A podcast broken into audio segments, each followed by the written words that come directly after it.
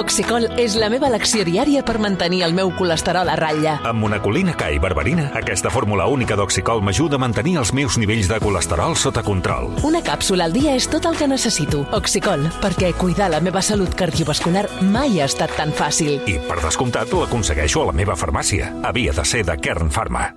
104, preparados para un mundo sin internet, y que signa Esther Paniagua. A RAC1 no hi som per festes, amb Jordi Beltran.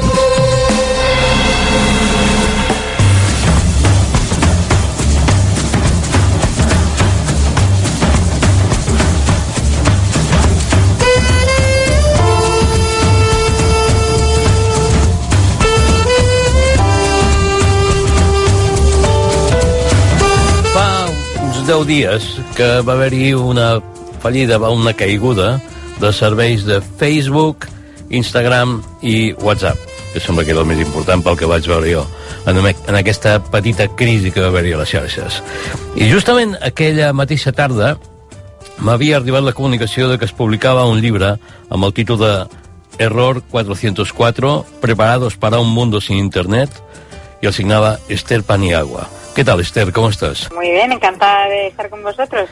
Y, igualmente. Eh, supongo que estos días habrá recibido bastantes llamadas interesadas en eh, comentar tu libro o en hablar de tu libro. Claro, como ha pasado la caída de WhatsApp, de Facebook, pues... Mm. ¿Tú recuerdas en qué situación viviste la caída del servicio de estos tres monstruos digitales?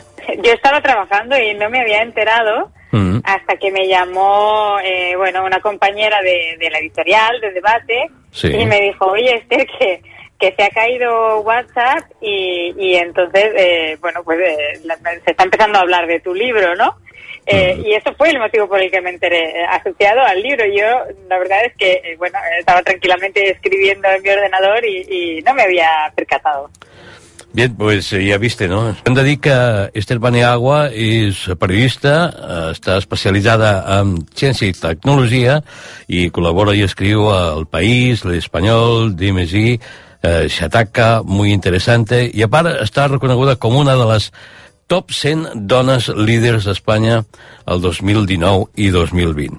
Supongo que Muchos te habrán comentado, yo he pasado el libro a personas para que lo vieran, digo, mira, un libro muy, muy actual, y todos dicen, vaya, es un libro apocalíptico. Y precisamente en la contraportada del libro se habla de que mm, realmente no es un libro apocalíptico o con eh, perspectiva apocalíptica. Eh, es una llamada un poco al despertar y es un, es un ensayo, no es una novela, ¿no? Aunque pueda Ya. parecer una novela, pero esto al final eh, no es apocalíptico porque es una realidad que podría suceder. Y este es el producto de mi investigación hablando con expertos en ciberseguridad y expertas eh, con, con pioneros de Internet, los creadores de Internet, con exagentes secretos, con los llamados guardianes de Internet, donde te explican las formas en las que realmente se puede producir un apagón y qué consecuencias podría tener, aunque ni siquiera sabemos exactamente el alcance de esas consecuencias porque todo está tan conectado que no sabemos ni siquiera eh, qué está conectado, ¿no? O sea, hasta qué punto, cuál sería el efecto dominó.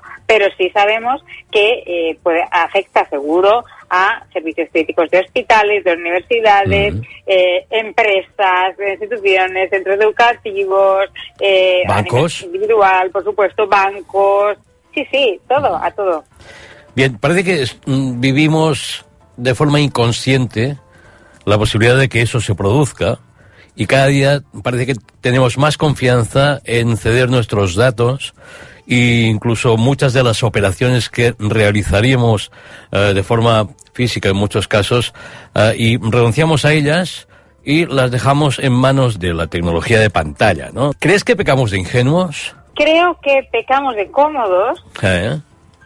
Pero que cada vez más estamos dándonos cuenta de, o aprendiendo o conociendo eh, cómo se usa esta información y exigiendo que deje de hacerse, ¿no? Ya. Hay un- estamos viviendo en una realidad que es un, eh, es contradictoria por una parte, ¿no? Se ha convertido Internet en una fuente de una fuente de conflicto interno. Seguimos viendo colas para comprar el último iPhone, las redes sociales continúan atrayendo millones de usuarios, Google no ha perdido el monopolio de las búsquedas, ni mucho menos, pero son las acciones que cada vez más están asociadas a un sentimiento de culpabilidad y de rechazo, ¿no?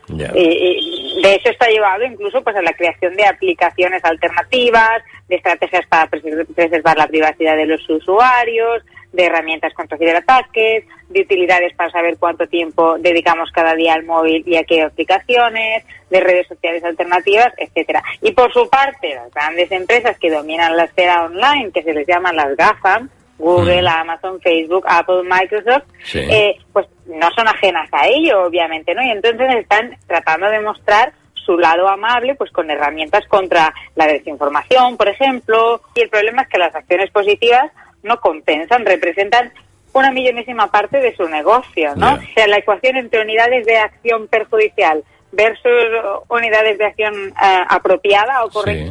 Sale en números rojos, claramente. Estos días también ha sido actualidad una ex trabajadora de Facebook que declaró y manifestó su vergüenza y también su indignación al ver cómo funcionaba Facebook como negocio.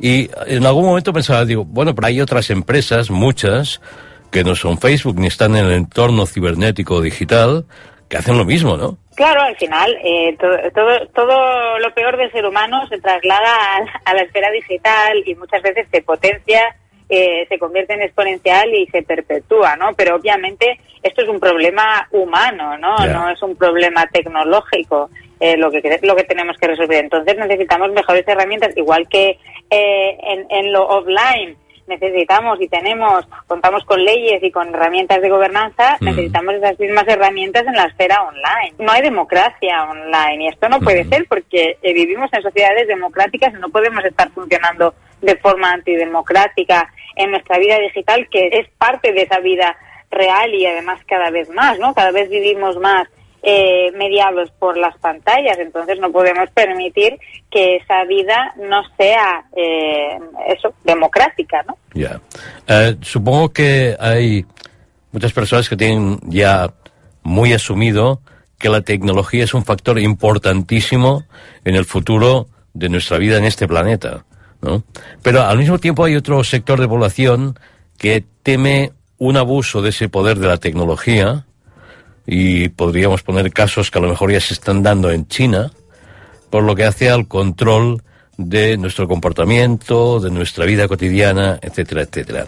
Existe el peligro de que si no controlamos, si no vigilamos, si no reaccionamos, acabemos bajo, déjame que lo, que lo ponga entre comillas, una dictadura tecnológica. En cierto modo, eh, ya se están dando ejemplos Mm. eh, de esto, ¿no? Porque, eh, lo- y bueno, y además con la COVID, eh, me, me vienen a la cabeza muchos ejemplos que, que se hicieron de herramientas que invadían no solo la privacidad, sino que permitían conocer pues las conexiones sociales de cada persona y otros muchos detalles con la excusa de la COVID. Se obliga a usar las- estas herramientas diciéndose que solamente van a ser con, con fines de salud y después resulta, como en Singapur, que eh, se trasladan estos datos a la policía, ¿no? Y entonces ya pueden usar el mapeo de esas relaciones personales para eh, bueno, incriminar a gente o cualquier otro uso policial. De igual forma, ha habido otras herramientas que sí que además se han usado también incluida en España,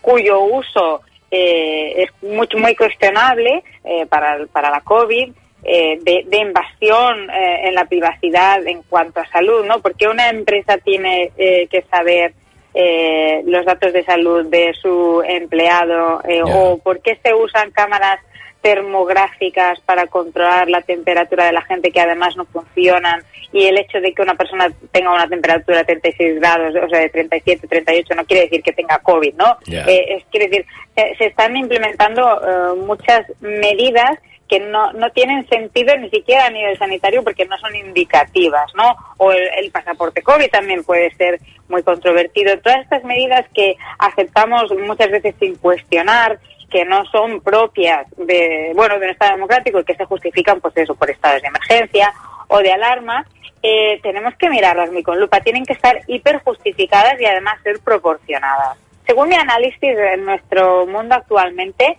tenemos una mezcla entre el mundo orwelliano y el mundo de Aldous Huxley, también un paralelismo con el de la máquina separa de Ian eh, Foster, Foster porque em, eh, en nuestra realidad tenemos, eh, por una parte, vigilancia masiva, control, censura, represión a mayor o menor escala eh, según la parte del planeta en la que nos toca vivir, ¿no? Eh, y luego por otra eh, se nos condiciona a querer obedecer, ¿no? Como como dicen los autores de otro libro que se, se llama Re-Engineering Humanity, como no tiene una traducción directa, ¿no? Como una reingeniería de la humanidad. Y luego, como decía Huxley, pues como esclavos, eh, somos como esclavos que aman su servidumbre, ¿no? Porque estamos felices de usar todas esas comodidades que disfrutamos a través de las plataformas y herramientas digitales, en las cuales pensamos que somos los sujetos, pero en realidad somos los objetos. Nos usan ellas a nosotras para sus fines, ya sean comerciales o políticos, ¿no? Eh, por lo que estás diciendo, podríamos deducir que actualmente impera la inmediatez y la comodidad como objetivos principales, ¿no? Y a partir de aquí... la cultura del consumismo, que también esto es una consecuencia de esa cultura del consumismo que Estados Unidos ha exportado muy bien, ¿no? Y, y hablamos, bueno, pues antes hablábamos de coches y ahora hablamos de móviles y otros dispositivos y de ahí a servicios online y productos que eh, lo único que quiere es mantener nuestra atención a toda costa, ¿no? Aunque sea a costa de nuestra salud mental y, nuestra economía, ¿no? Y ante todo eso, ¿qué papel puede jugar el usuario? Pues, eh, a ver, hay varias cosas que, que los ciudadanos podemos hacer y además no, tenemos que manifestarnos todos a la vez, pero sí eh, manifestarnos de algún modo, exigir a nuestros gobernantes que cambien cosas y también eh, con nuestras acciones de, de consumo, por ejemplo, mm. ¿no? negándonos a usar ese tipo de aplicaciones que van contra nuestra privacidad, eh, estamos mandando señales al mercado y al final el mercado va a responder porque si las empresas no, o sea, si la gente no compra esos productos, pues las empresas se van a pique, ¿no? Incluso con un porcentaje pequeño de, usuarios que empiece a reaccionar es suficiente para enviar una señal. Ya, pensando en, en eh, precisamente en la vida digital, en muchos casos dices, bien, tenemos la realidad de la calle, de nuestra vida cotidiana cuando salimos a trabajar, etcétera, y la realidad, que es otra realidad que también se mueve, que también existe, que también nos genera reacciones y emociones, que es la realidad digital. Igual que regulamos la realidad cotidiana, nuestra vida cotidiana, habría que buscar una regulación equivalente a la vida digital, cosa que hemos comentado antes. La pregunta es, ¿Lo hemos de hacer igual que lo hemos hecho en la, en la realidad de nuestro día a día? ¿O hemos de intentar regular esa otra vida, esa otra realidad, con otros parámetros que todavía desconocemos la mayoría de la gente? Yo diría en este sentido que eh, obviamente no hay respuestas correctas ni varitas mágicas, ¿no? Pero, eh, pero eh, esas dos realidades son, son una sola realidad. Entonces, eh, lo que pasa es que tenemos dos bares de medir diferente y hemos permitido a, compañías monopolistas que sean las que establezcan las normas del, juego, ¿no? O sea, en lugar de eh, ser eh, procesos elegidos democráticamente, son empresas que se han establecido ahí y distan las normas, ¿no? Entonces, Internet es un mundo, eh, o sea, Internet es global, ¿no? Por lo cual necesitamos una gobernanza global de estos sistemas. Eh, probablemente eh, podríamos pensar en, soluciones un poco creativas o diferentes. Em, a mí me, parece que sería necesario establecer una especie de alianza democrática no por la gobernanza digital que es una de las mis propuestas en el libro en, en error 404 una alianza no solo de democracia, sino también de países en vías de democratización, eh, precisamente para hacer frente hacia esa tendencia autoritaria de otros países en el gobierno de lo digital, en la cual establezcamos eh, límites, ¿no? Por ejemplo, una zona de comercio digital en la cual no se permita a, ninguna empresa, a ninguna de estas plataformas eh, ofrecer sus servicios si no cumplen las normas, ¿no? Dentro de dentro de esa alianza y de esos países que pertenezcan en la, en la alianza y, otras muchas eh, medidas, ¿no? Que necesitamos implementar para realmente llevar la democracia a la vida online. Mira, ya que establecemos este paralelismo de mundos virtuales o reales, eh, ¿podríamos hablar de que Internet también está padeciendo una crisis equivalente a la del cambio climático, pero tecnológicamente hablando? Justo, justo esta reflexión eh, eh, me surgía ayer en una conversación con mi, con mi pareja, Ah. porque, porque hablábamos, bueno, ¿por qué, ¿por qué es ahora el momento adecuado? Eh, ¿Por qué eh, va a suceder un cambio en Internet? ¿Por qué tenemos motivos para esa mejora de esa gobernanza democrática digital? Porque, bueno, después de las guerras mundiales, eh, o, o en, en España después de la dictadura, eh, los motivos estaban claros y, y había un- una fuerza común, ¿no? Sí. En pro de esa transición o en pro de las eh, de generar esas organizaciones supranacionales que conservase, eh, conservasen la paz, ¿no? Pero ahora mismo no estamos en esa situación de posguerra o, o posdictadura, ¿no? Pero con, igual que con el cambio climático, creo que estamos llegando a un punto en el cual después de mucho año, muchos años de empezar a ver las orejas al lobo, de, de contar con datos y con, eh, con hechos, con evidencias, con investigaciones periodísticas, con sentencias, eh, con investigaciones judiciales que nos demuestran que las cosas eh, realmente están yendo por un mal camino, eh, ya nos empezamos a dar cuenta que o, o actuamos o, o se nos acaba el tiempo, ¿no? Está pasando con el cambio climático y creo que está empezando a pasar, eh, todavía me parece que queda un poquito de, de transición en el aspecto digital. Recuerdo una frase de un amigo mío que siempre decía, está muy bien eh, mirar la pantalla. Dice, el problema es cuando la pantalla te mira o te lee a ti. Mm, Igual es una de las eh, premisas que tendríamos que tener en cuenta a la hora de coger el móvil y internarnos ya en ese mundo digital paralelo al que vivimos. Error 404 és el títol del llibre, Preparados para un mundo sin Internet, y la seva autora es Esther Paniagua. Esther, gracias por el libro y muchísima suerte. Que vaya muy bien. Muchísimas gracias, Jordi, un placer. A ti, hasta luego. No hi som per festes, amb Jordi Beltran.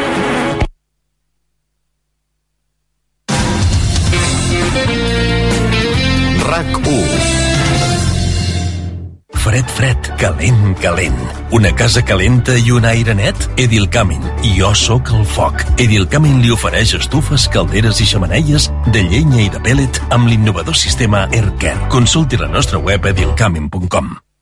Condueix la gamma sub Eco de Hyundai i gaudeix de les últimes novetats en conducció híbrida i elèctrica. I ara, emporta't el nou Tucson híbrid per 298 euros al mes, amb el nostre renting a particulars, amb tot inclòs, i lliurament immediat. Descobreix la gamma sub Eco més completa del mercat. Més informació a Hyundai.es. Conserveu tot allò que us interessi de RAC1 entrant a rac1.cat, el portal de notícies Diumenge de 28 de RAC1. novembre torna la mítica Jamboen Mundo Deportivo Gran Premi Allianz. Corre i inscriu-t'hi a jamboen.cat. Rebràs una samarreta tècnica Mizuno d'home o de dona. Avituallament oficial d'Aigües de Barcelona i amb el patrocini d'Allianz, CaixaBank, Freedom, Sòria Natural, Danone i Pro, Frit Rabbit, Hyundai i Coca-Cola. Diumenge 28 de novembre, corre la Jamboen. Torna la gran festa de la Casa de l'Heroi Merlin amb més de 500 preus excepcionals fins a l'1 de novembre. Com el preu del moble de bany Ona, amb taulell resistent a l'aigua i a les esgarrapades i el lavabo Castellón, els dos per només 139 euros. Compra a leroymerlin.es, a l'app, al 910 49 99 99 o vine a la teva botiga. L'Heroi Merlin. Dóna vida a les teves idees.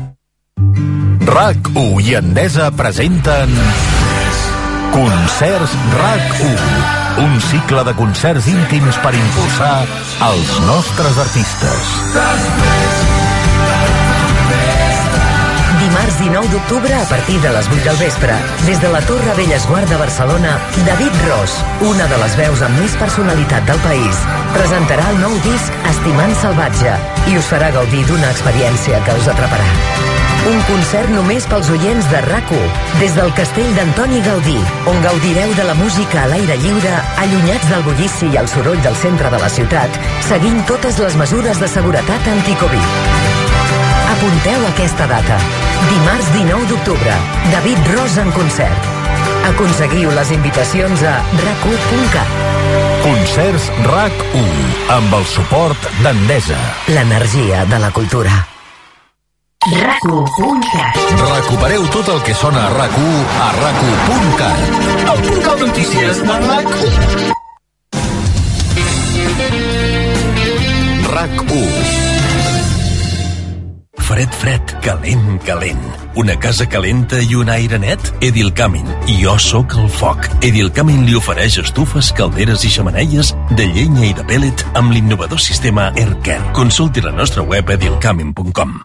Condueix la gamma sub Eco de Hyundai i gaudeix de les últimes novetats en conducció híbrida i elèctrica. I ara, emporta't el nou Tucson híbrid per 298 euros al mes, amb el nostre renting a particulars, amb tot inclòs i lliurament immediat. Descobreix la gamma sub Eco més completa del mercat. Més informació a Hyundai.es. Tot el que passa a rac dins i fora de la ràdio ho trobaràs a rac A RAC1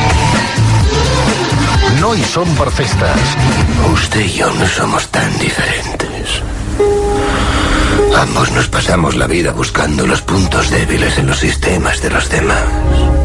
¿No cree que tal vez ha llegado el momento de reconocer que tan poco valor tiene su bando como puede tenerlo el mío? les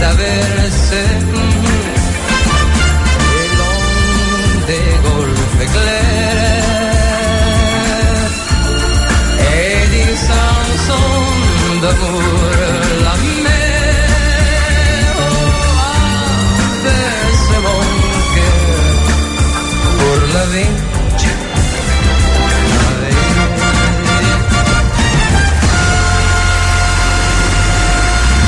El topo, el talp. el talp, Uh, Thomas Alfredson, Sí. sí. 2011, amb Gary Oldman de protagonista, i basada en una novel·la John le Carré. M'encanta com acaba el topo de Gary Oldman amb una cançó de Julio Iglesias. És com acaba la pel·lícula, ideal. una versió en francès de la, bueno, la mea, la cançó de Charles Tenet, la canta el Julio Iglesias a l'Olimpia en francès. En francès, Sí, sí, sí, en directe a l'Olimpia, i d'aquella aquella cançó la van agafar per tancar la pel·lícula d'una manera molt romàntica, però és una pel·lícula gens romàntica, en aquest sentit és, és John le Carré pur i dur, mm. és allò eh, la fredor de l'espionatge de la Guerra Freda, no? I aquesta espionatge on, òbviament, eh, és un espionatge mesclat amb contraespionatge, perquè és constantment com revertir les mentides a l'altre bàndol no? i com enganyar-los també contínuament. No? I en aquest cas, un, un Smiley, George Smiley, que és el protagonista, el Gary Oldman, un espia ja cansat, ja més... que està una miqueta passant de tot, no? i que la seva vida revifa amb una missió que l'encarrega el, el, el cap de l'MI6, en aquest cas, que és trobar el talp que està a l'organització en les més altes esferes. I a partir d'aquí és una miqueta examinar aquestes relacions entre les altres esferes i espies que han estat treballant mm. durant dècades junts, quin d'ells està realment treballant per als russos. És una pel·lícula britànica, és una novel·la britànica, però òbviament estem parlant del, del bàndol occidental contra, diguéssim, el bàndol comunista, i com també les mentides, en aquest cas, són mentides prof professionals, ell, eh, la seva professió és mentir, no? Mm. I com també les mentides van ofegant la humanitat d'uns personatges que es deuen 100% a la seva missió i on les seves vides personals realment acaben sent eh, gairebé anecdòtiques o gairebé reduïdes al zero perquè la seva vida és ser espia i per tant no hi ha res més que la mare pàtria, diguéssim, pugui acceptar, no? I, i són personatges que, que s'han quedat amb una humanitat molt, molt allò, mm, paupèrrima, no? I, I anem veient amb aquest personatge de Gary Oldman magnífic.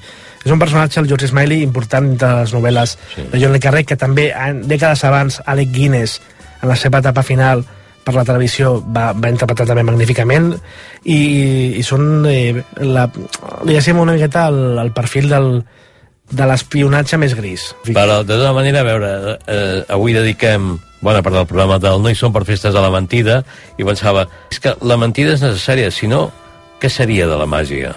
No?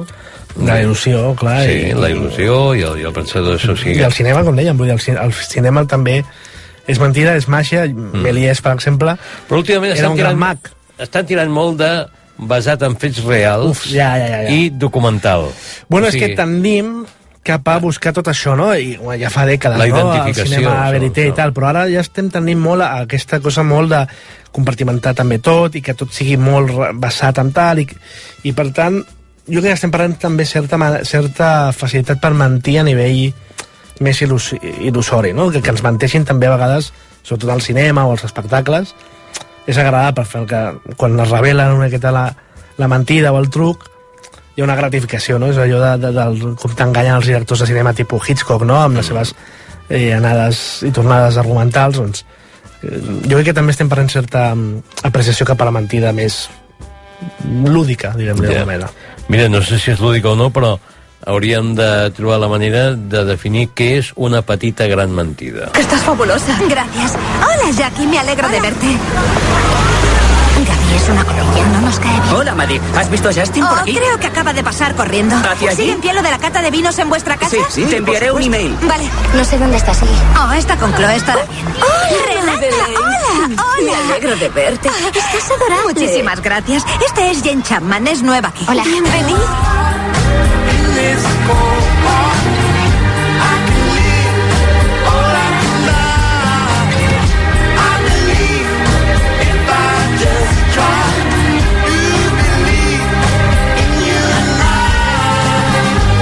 La veu de Michael Kiwanuka, que és qui va fer el tema central. Molt bona cançó. O el, sí, diguéssim, el Sí, sí, el- la cançó sí, de el la el- sèrie. el tema principal, el tema d'obertura, sí. Con Little Heart, per presentar i per parlar de Big Little Lies, perquè aquesta sí que és un tipus de mentida que jo crec que cada dia sí. va circulant per aquests mons, que marxa primer d'un sopar, Uf. és el que primer rep, i després ja periòdicament tots els que van marxant. Però mai, mai se't van donar un sopar.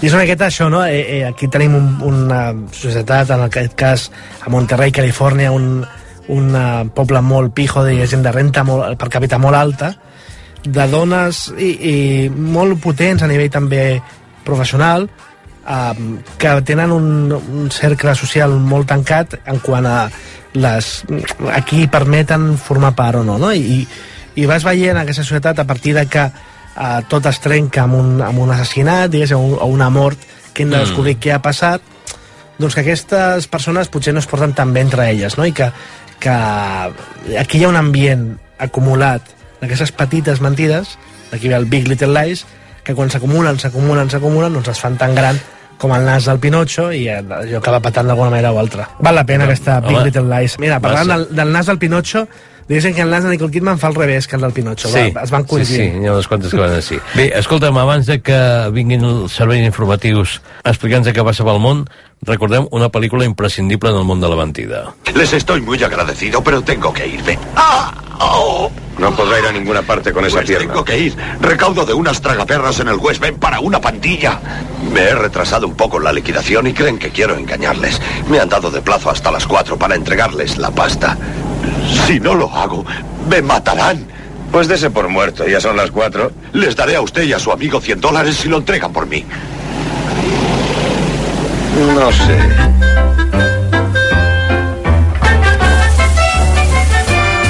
Hem escoltat un fragment de la pel·lícula de Sting, El cop, el golpe, eh, protagonitzada per Paul Newman i Robert Redford, Clar, però jo no podia... parella. O sigui, jo vaig començar a gravar aquesta cançó per, pel programa d'avui i dic, no me'n puc estar, és que em venia al cap aquesta altra versió. M'enamoren els timadors que fan mil trampes i semblen senyors. Aquí sí. Són tan hàbils, tan elegants, fan jugades que semblen jocs de mans. Tinc un home que és timador, però quan m'estimen dos, jo en tinc tres, dona'm els dos teus meus tres, i ves per un tres i dos, ja no hi som. És més, jo crec que actualment al final del Telenotícies hau- hauria d'haver-hi un apartat que fos M'enamoren els timadors. Estaria molt bé. fer un retrat del timador del dia, perquè cada dia n'hi ha un o altre, i la Núria Feliu, doncs mira, corrent uns calorets, per cert, si la Núria ens escolta o algú eh, que sigui proper a ella, eh, una abraçada ben forta i que vagi bé la recuperació. Bé, el tema de, del Golpe. golpe era un rescat d'un clàssic de Scott Joplin, Sí, de l'època del ragtime. El Ragtime. Aquesta pel·lícula, amb 73, és l'estrena de pel·lícula, George Roy Hill, el director va posar de moda de nou la, la música ragtime, no? Mhm. I ha quedat associada al golpe, però realment, és veritat, va, va fer una operació de ressuscitar, era una música que estava gairebé defenestrada i, i amb el golpe, mira, i ara està sonant a un, a un anunci d'una companyia Ah, de begudes que- energètiques. Aleshores, gran pel·lícula, no? Sí, gran pel·lícula, gran comèdia, ja ho deia la Núria Feliu, no? Els timadors, aquí estem parlant d'una pel·lícula de timadors, i escoltàvem un dels timos inicials, el timo, diguéssim, seria el, la, el negoci de la mentida, no?, una miqueta. Bé, ara esperem que no ens diguin mentides, i confiem en que no, perquè els serveis informatius no estan aquí per mentir. Nosaltres Serien deixem fake- que ells, news. que ells ens expliquin unes veritats, diguéssim, del que passa actualment, i després de l'actualització tornarem aquí amb més No hi som per festes. Fins ara! A RAC1 no hi som per festes, amb Jordi Beltran. Endavant, informatius.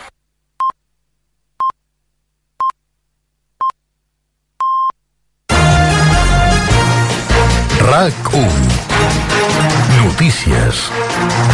Bàrbara Padilla Bona nit, són les 10. L'operació tornada del pont del Pilar arriba al seu punt final i ara ja queden poques retencions. A aquesta hora només hi ha mig quilòmetre de circulació intensa a la C58 a Montcada i Reixac, direcció Barcelona.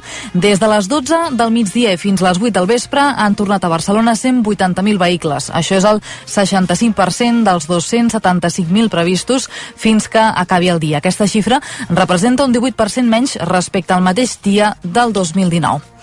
Els catalans s'acomiadaran divendres de la majoria de restriccions per la pandèmia. L'aforament torna al 100% a bars i restaurants, a la cultura, a les universitats i a les fires i congressos. Ho ha anunciat aquesta tarda en una compareixença des del Palau de la Generalitat el president Pere Aragonès, que ha dit que és un pas molt important que ens apropa cada cop més a la vella normalitat. Les dades epidemiològiques de la Covid-19 ens permeten avui fer un pas molt important per recuperar el dia a dia, per apropar-nos al màxim possible a la situació de prepandèmia. Amb tota la prudència, per tant, sent molt conscients d'aquesta necessitat de ser sempre prudents, fem un pas molt important per mica en mica anar sortint de l'excepció i de l'anomalia que ha estat forçada pel coronavirus. Aragonès celebra la millora de les xifres de la pandèmia que ha estat possible, diu, gràcies a la vacunació. El que caldrà mantenir encara, però, serà la mascareta als espais interiors. Bars i restaurants recuperen el seu horari habitual i ja no hi haurà distància mínima entre taules ni el màxim de 10 comensals. On es manté de moment el 70% de l'aforament és als locals d'oci nocturn que van obrir la setmana passada i els concerts amb la gent a peu dret. En l'àmbit esportiu també s'aixequen restriccions, eh, Gerard Ballera. Si torna al 100% d'aforament als recintes esportius a l'aire lliure, el Barça, per tant, tindrà permís per obrir el Camp Nou a tot el públic per al partit d'aquest diumenge contra el València, el primer de tres duels consecutius a l'estadi en només una setmana i que acabarà amb el clàssic contra el Real Madrid el diumenge 24 d'octubre. L'Espanyol té el pròxim partit a l'RCD Stadium dilluns contra el Cádiz, mentre que a segona el Girona podrà reobrir tot l'aforament de Montilivi per rebre aquest dissabte l'Osca. En el cas dels esdeveniments esportius en espai tancats, l'aforament permès serà del 80%, tal com es va acordar amb la resta de comunitats autònomes en el Consell Interterritorial del Govern espanyol. Pel que fa a l'aixecament de restriccions al món de la cultura, des del sector teatral ho celebren, sobretot ara que arrenca la temporada de tardor. La presidenta de l'Associació d'Empreses de Teatre de Catalunya, la DETCA, Isabel Vidal, agraeix al públic que hagi assistit al teatre durant la pandèmia, malgrat tots els obstacles. Són declaracions a RAC1. Entrem en temporada alta i, per tant, la mesura arriba en el moment idoni. Només volem donar les gràcies al sector per la resistència, per la coordinació, per la generositat, a l'administració per haver-nos entès, tot i les discussions en moments més complicats, i, en definitiva, al públic, no? que, que ens han fet confiança i que continuen assistint a una cartellera potent. Les sales de concerts de la seva banda recorden l'impacte que ha deixat la pandèmia en el sector i es reivindiquen com un entorn segur. Ho diu a RAC1 la presidenta de l'Associació de Sales de Concerts de Catalunya, Carmen Zapata sobretot en un entorn com el de les sales en el que no hi ha una butaca preassignada i per tant la gent està d'en peus i per això es garanteix eh, un entorn segur amb les proves que s'estan demanant de, del certificat de vacunació o bé una PCR o un test ràpid en els llocs eh, homologats. Als cinemes l'aforament complet arriba a temps pels últims dies del Festival de Sitges i també el Festival Inèdit de Barcelona, que comença el 28 d'octubre. El director del festival, Oriol Altell, celebra RAC1 que es puguin omplir tots els seients, però avisa que encara falten detalls per conèixer. Crec que si això, aquesta normativa és així vol dir que ho veuen segur de fer. No m'he llegit la lletra petita, suposo que tothom haurà d'anar amb la màscara posada i no sé si haurem de prendre temperatures o no, encara, encara no ho sé, no he tingut temps de mirar-m'ho. En tots els espais, la mascareta serà obligatòria. L'opció de la ràpida es queda a les portes del 20% de la consulta sobre el nom del poble que calia per ser vinculant. 2.250 persones han optat per canviar el nom del municipi de Sant Carles de la Ràpita al Montsià i 1.045 per deixar-la com està. Ha votat a la consulta el 26% del cens. Ara el futur del nom queda en mans del ple municipal que haurà de decidir si tira endavant el canvi de nom com vol Esquerra o manté l'actual. I a l'illa de la Palma la lava continua imparable. Això ha fet que s'hagin hagut d'evacuar 700 persones de la zona de la laguna. Des de les dues del migdia fins a les 7 de la tarda els evacuats han pogut treure les seves pertinences de casa. Les autoritats han habilitat espais perquè els afectats puguin guardar tot el que han salvat en poliesportius i també en naus industrials. Els experts no s'atreveixen a dir encara quin serà el comportament del volcà a partir d'ara ni quan acabarà l'erupció. I ara els esports amb Gerard Ballera. Es porten en directe en joc, a aquesta hora alguns partits de classificació pel Mundial de Qatar. El grup de la selecció espanyola, Suècia guanya per 1 a 0 contra Grècia, a falta de mitja hora pel final. Amb aquest resultat, Suècia seria líder del grup amb dos punts més que Espanya a falta de dues jornades. En l'última s'enfrontarien entre ells. A més, Dinamarca té la possibilitat de classificar-se pel Mundial aquesta mateixa nit. Necessita com a mínim igualar el resultat d'Escòcia.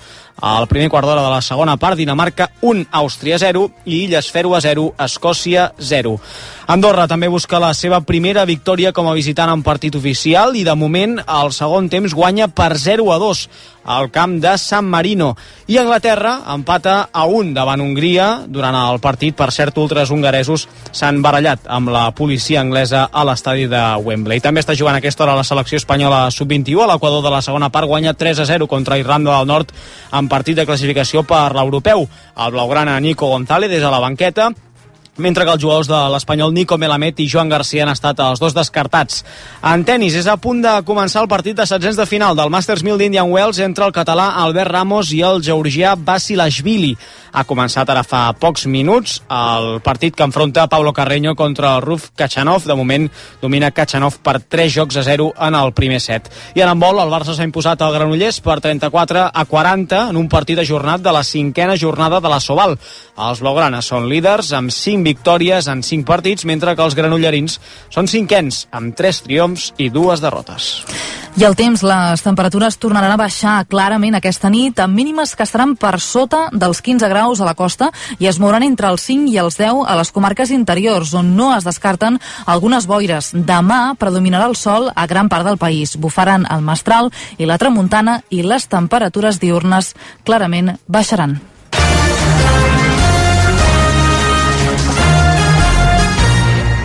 A RAC1 no hi som per festes, amb Jordi Beltrán. ¿Quién eres? Soy el creador del programa de televisión que llena de esperanza y felicidad a millones de personas. ¿Y quién soy yo? El protagonista. Nada era real. Tú eres real. Por eso valía la pena verte. Escúchame, Truman. Ahí fuera no hay más verdad que la que hay en el mundo que he creado para ti. Las mismas mentiras, los mismos engaños, pero en mi mundo tú no tienes nada que temer.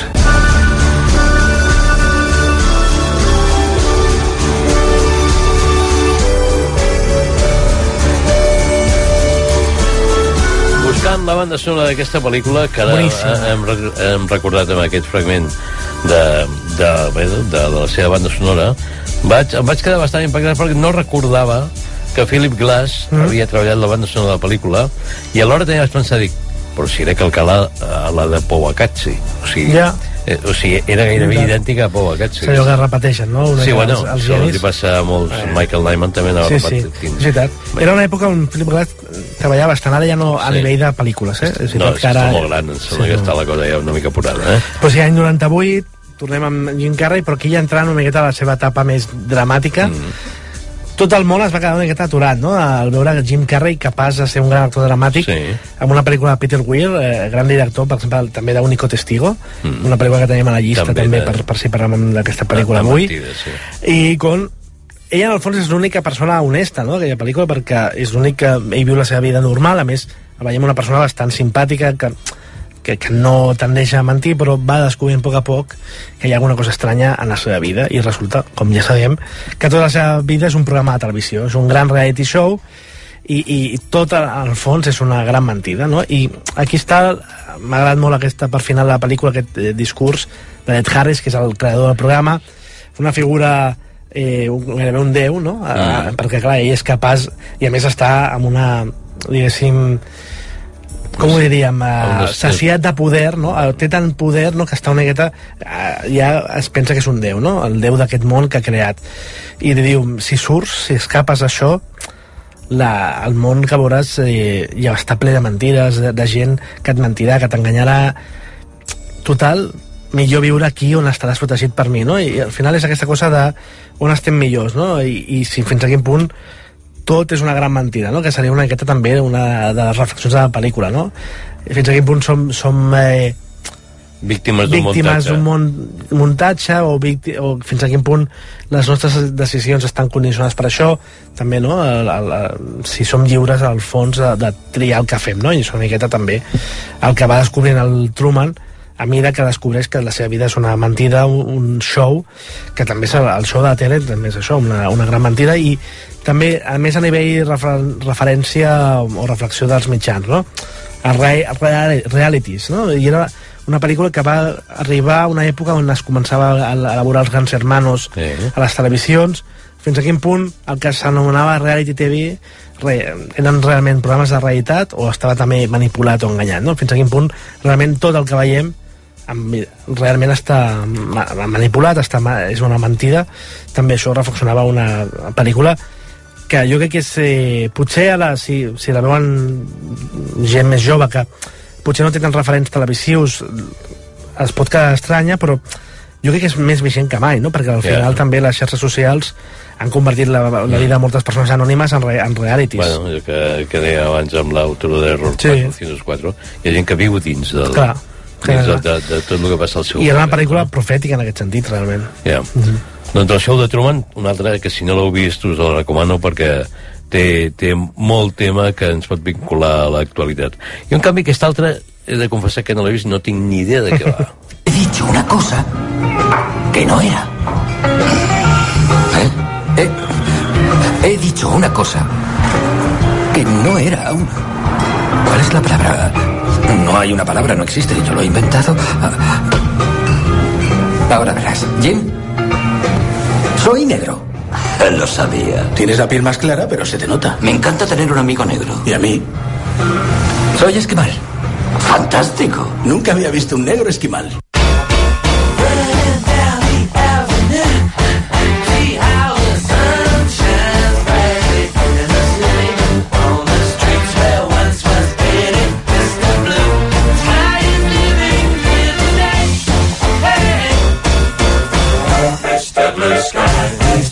Why you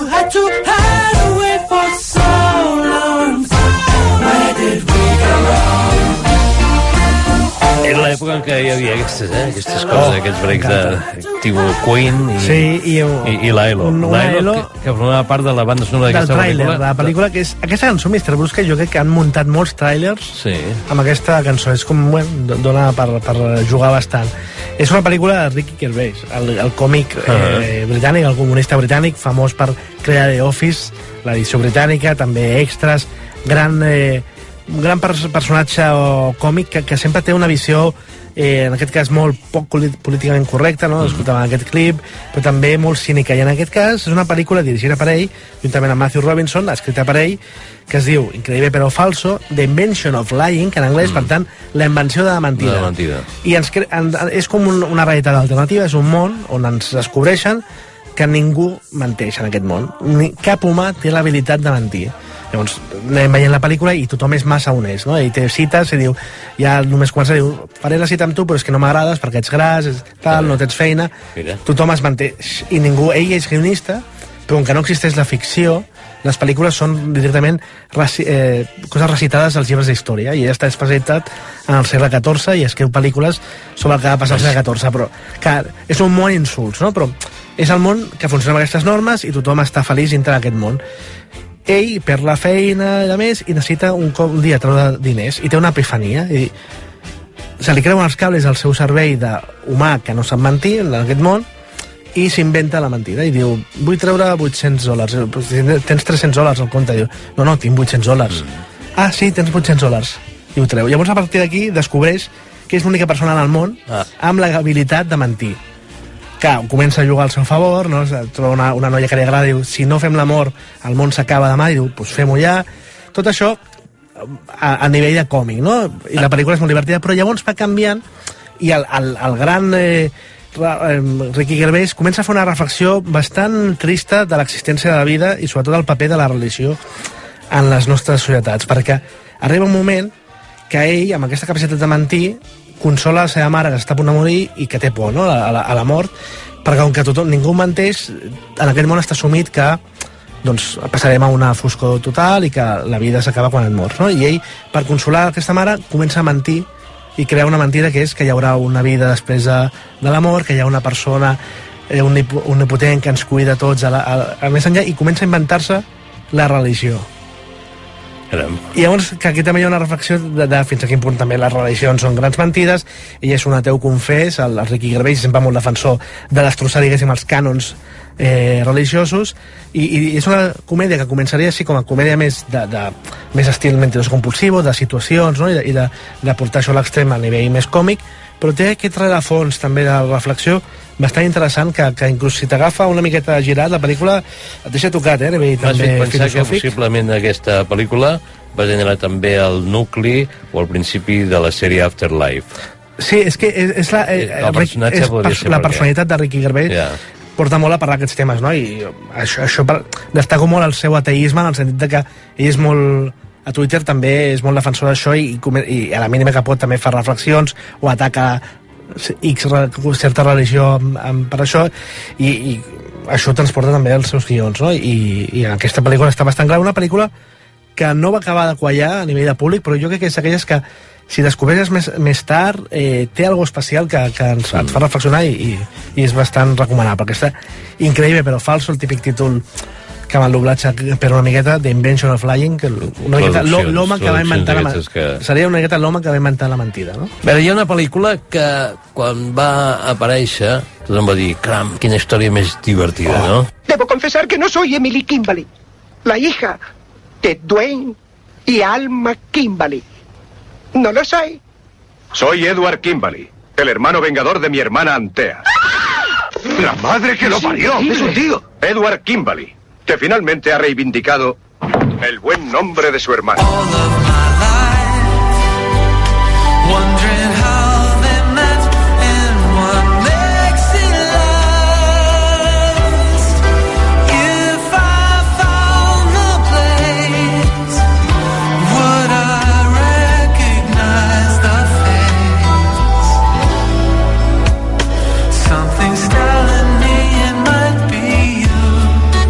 L'època, no sé si recordeu a Christopher Cross fent sí, el, el sí, tema central d'Arthur. bueno, també, sí. Ta, ta, ta. Era l'època d'aquest tipus de Sí, pel·lículetes. Eh? mm. Bé, Tutsi. Dustin Hoffman. Tutsi. Transvestint-se. Tutsi. Eh, um, és una pel·lícula tenia molts alts i baixos. Molt- Sidney és- Pollack feia un paper... I era, de fet, el director de la pel·lícula i era Sí. el seu representant i li deia, mira, és que ningú et contractarà i és un actor d'aquests que de Hollywood, ai, de Nova York intentant entrar al teatre però que òbviament ha de treballar de, de cambrer i que està fart de tot això no? i al final davant de, de la prova d'un paper d'una soap opera eh, d'un col·laborot d'aquests de, de, de, de televisió clàssics de tota la vida decideix presentar-se a un paper femení i fer-se passar per dona, per una actriu. Eh, Per tant, aquí el concepte seria la, mentir per treballar. Hem, hem mentit alguna vegada per aconseguir una feina? Sí, però aquí hi ha un altre tema, que, que és que tu menteixes Mhm. i ets protagonista d'una- d'un col·laborador de televisió amb un èxit brutal. Clar, clar, i, i, i ho, ho peta tant que, que tothom estima aquesta nova actriu Clar. i, el, i, i, clar, però com totes les mentides es van fent grosses, si tornem al Pinocho, eh, però totes les mentides es van fent grosses fins que no ja té, té més remei que revelar-ho, ho revela l'antena diguéssim, eh, posant-se dintre de la trama, no? i que el seu personatge femení, com que és un col·laborador d'aquests estranys, doncs mira, de sobte descobreix que és un home, però bé, en el fons, clar, després aquí aquesta és una pel·lícula que amb una, aqu- aquesta trama, tal qual, Mm. jo crec que ara seria bastant problemàtica, no? Ja, en el sentit de que eh, sí que és veritat que hi ha una lectura, es pot una lectura més feminista, que, que no faré jo perquè tampoc sóc expert en el tema, però que és veritat que aquí al final també està vestint-se de dona, traient-li la, ro- eh, la feina a, a actrius que haurien de fer Sí. aquest paper, no? Llavors, sí que és veritat que dius aquí eh, no és molt lícit el que acaba de I, fer i de fer deixant, i Hoffman, deixant no? bocabodats a la família, Clar, home. a un amant que tenia, bueno, o a un aspirant amant, i tot això. I és una sí, pel·lícula... El, el realitzador que quan descobreix diu ah, ara entiendo por qué no me la, no, no, no me la ligué. No. Sí, em rebutjava, diguéssim. Clar. rebutjava. És una pel·lícula que em va llit bé, o sigui, si la veiéssim ara, tot sí. Jo crec que no, precisament per aquests temes que deia, però sí que és veritat que a nivell de pel·lícula, jo eh, potser l'últim que vaig veure va ser fa dos o tres anys, a nivell de pel·lícula funciona, sí, perquè és el que és, una pel·lícula amb bolics, mm. només treballa molt bé el tema de, de, davant i darrere les càmeres, en el sentit de, de, de com també la televisió i la ficció és una gran mentida i tot això forma part del show business i parla de temes que, que són interessants i divertits i la pel·lícula en si mateixa és divertida però sí que és cert que, eh, no, que no és molt lícit i això sí, el No. que fa el, el gran mentider de Hoffman no. És gens lícit i, i ja, jo crec que avui mateix no passaria la, la prova del cotó Bé, uh, hi ha una pel·lícula que pel títol vaig dir, Guillem, m'agradaria que la comentéssim. ¿Vas a contestarme? Sí. No, por favor, no hagas ¿Por qué no? Por favor, no lo hagas. ¿Por qué no? hagas Solo quiero hacerte por unas preguntas como No, no, ¿por qué no, grabas a no mujeres hablando de sexo? No ¿Por lo qué hagas, lo haces? déjame, ¿Puedes no. decírmelo? Vamos. Contéstame. No creo que este cambio de papeles sea muy interesante. Pues yo sí. Dime por qué, Graham. ¿Por qué?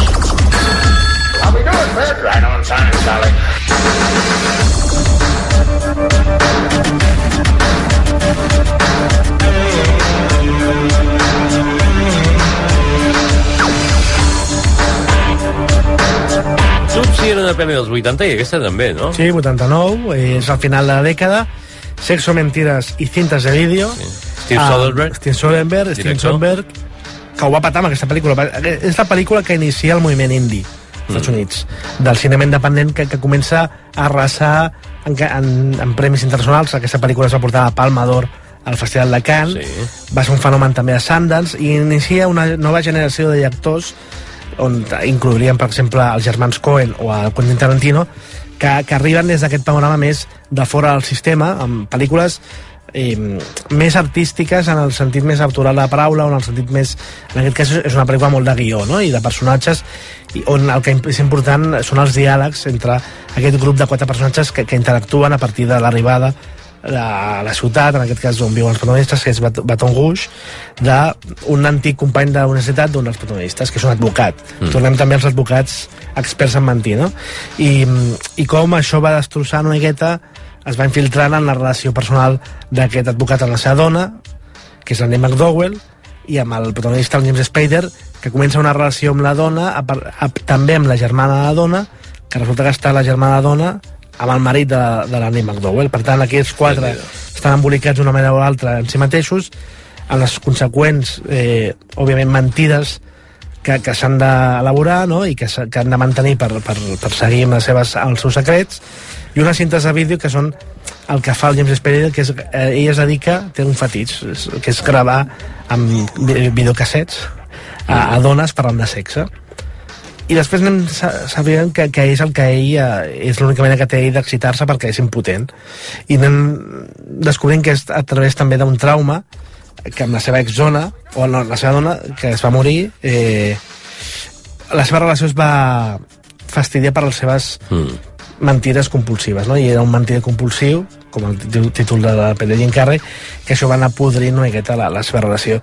Pel·lícula allò de, de, de diàlegs, pel·lícula de, de converses molt intenses, on les mentides formen part de, de, de la manera d'actuar els personatges. Doncs mira, en- al contrari del que dèiem de Tutsi, jo crec que aquesta és una pel·lícula que si la veus ara, Uh -huh.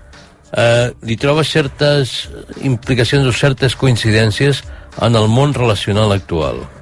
És dir, potser es van avançar en el seu temps, Sí, no bueno, sé. era una pel·lícula en aquest sentit potser també bastant eh, bermaniana, no? Mm, Però des sí, del punt de vista més nord-americà, de, de, de pel·lícules d'aquestes que, o inclús de John Cassavetes, no? Aquest estil Sí. de pel·lícules que s'atreveixen a través del diàleg de destrossar una miqueta les vides dels seus personatges i com eh, tots, al fons, no, les nostres vides doncs tenim desitjos, tenim coses que no acaben de, de sortir a la superfície i que bueno, si un dia ens dediquéssim a fer allò, un Virginia Woolf i començar mm. a dir-nos tot, doncs potser acabaríem bastant malament. Acabarem immersos en un bosc, el bosc de la mentida. Desde el día en que nos establecimos aquí,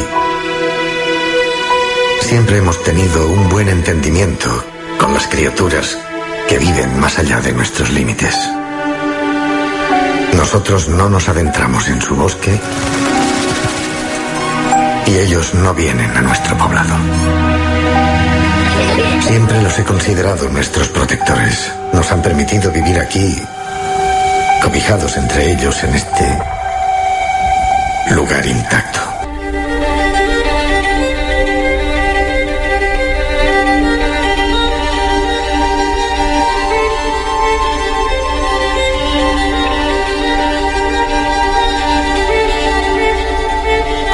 Frase que es diu en castellà de no sé què, eh, dolor, intriga... No, intriga i dolor de barriga, la primera mm, paraula no recordo mai quina Ai, és. no, ara mateix no. Fervor, intriga, no, Fer- eh, suspense, intriga i dolor de barriga. Suspense, intriga i dolor de barriga. Potser sí, que era suspense. això. Bé, aquesta pel·lícula es diu El Bosque, Bosque, de Village, The Village en en anglès. versió original, i és d'un director també Jo- aclamadíssim, no? M. Night Shyamalan, jo diria que és un dels grans... M. Night, tal com ho has dit, M. Night Shyamalan. Em recordava una mica el xiquito de la calzada. M. Night Shyamalan, sí. Eh, sí. Però sí, sí, eh, és un nom particular, eh, ascendència índia però criat a Filadèlfia. Mm. Eh, director que és un dels grans mentiders del cinema, no? En, el sentit, en l'escola més hitchcockiana.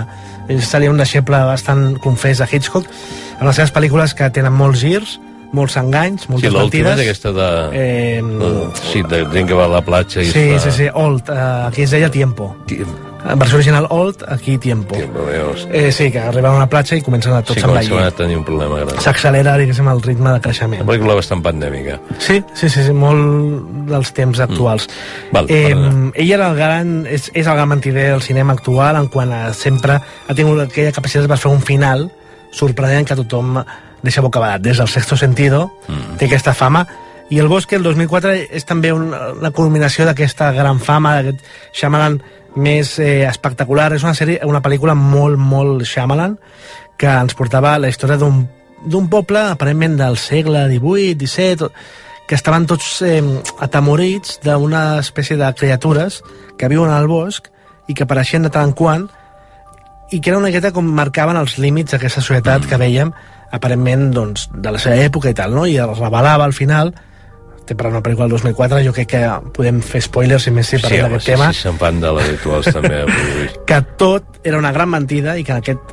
aquest poble no era el segle XVII ni el segle XVIII, sinó que estava al contemporani, el 2004, i tots els seus habitants havien estat enganyats pels els caps d'aquest poble que en veritat havien ben descobrir i descobrim en la pel·lícula que eren gent que als set- 70 molt hippies ells doncs van, es van, van quedar desencantats amb la societat moderna i van crear una ciutat antiga un- per entendre seria una mica esperit Amish, no? Sí, eh, sí Ah, est- ara, ara estava pensant Sí. en, en Único Witness, sí, sí, o- único o- testigo. testigo. Eh, i, però clar, en veritat no són com els Amish que sí que porten des de, des de l'època que diguéssim, ja es van quedar allà no han evolucionat i s'han quedat allà sinó que aquests voluntàriament van crear una, una societat petita, controlada per ells controlada a partir d'una mentida que és hi ha unes criatures salvatges que et poden matar, i no és cert tot és, són ells mateixos que les creen i que per tant és una manera de controlar la seva població i que no surtin d'aquell petit territori perquè no volen que vagin al, a, la, a la resta de la societat contemporània no? per tant la mentida social, la mentida com a, com a estructura social per construir una societat enganyada no? i fins a quin punt també sí, és allò de, seria una miqueta de Matrix no? al fons, vivim Ja. enganyats on vivim? Vivim en una simulació fins a quin punt controlem uh, la nostra vida seria una miqueta també aquesta uh, enginyeria social a través de la mentida Guillem Efemarí, moltes gràcies per acompanyar-nos a tu, home, a passar aquesta tarda amb les mentides. encantat de fitxar en dia festiu Què millor que treballar un dia de festa? Home, ja estem acostumats, ja, no, Aquest- ja no ens el queixarem a aquesta alçada de, de la vida. D'aquí un instant parlem amb Joan Julibert d'un llibre que parla de la mentida, concretament del poder de la mentida. A RAC1 no hi som per festes, Jordi Beltran. Diumenge 28 de novembre torna la mítica Jamboen Mundo Deportivo Gran Premi Allianz. Corre i inscriu-t'hi a jamboen.cat. Rebràs una samarreta tècnica Mizuno d'home o de dona. Avituallament oficial d'Aigües de Barcelona i amb el patrocini d'Allianz, CaixaBank, Freedom, Sòria Natural, Danone Yopro, Fritz Rabbit, Hyundai i Coca-Cola. Diumenge 28 de novembre, corre la Jamboen. Els carburants BP Ultimate amb tecnologia Active et donen fins a 56 quilòmetres més per dipòsit. Fins a 56 quilòmetres més perquè quan et diguin gir a l'esquerra i tu giris a la teva altra esquerra, que el menys dolorós sigui malgastar carburant. El benefici s'aconsegueix amb el temps i pot variar a causa de diferents factors. Més informació a bp.com. Preparats? Llestos? Ja! RAC1, amb el suport de l'Ajuntament de Badalona. Direxis Tuxal. CaixaBank. Mizuno. Fiat Assegurances. Xarxa Fort de Catalunya. I Torrons Vicenç us convida a participar a la sisena cursa de RAC1 a Badalona.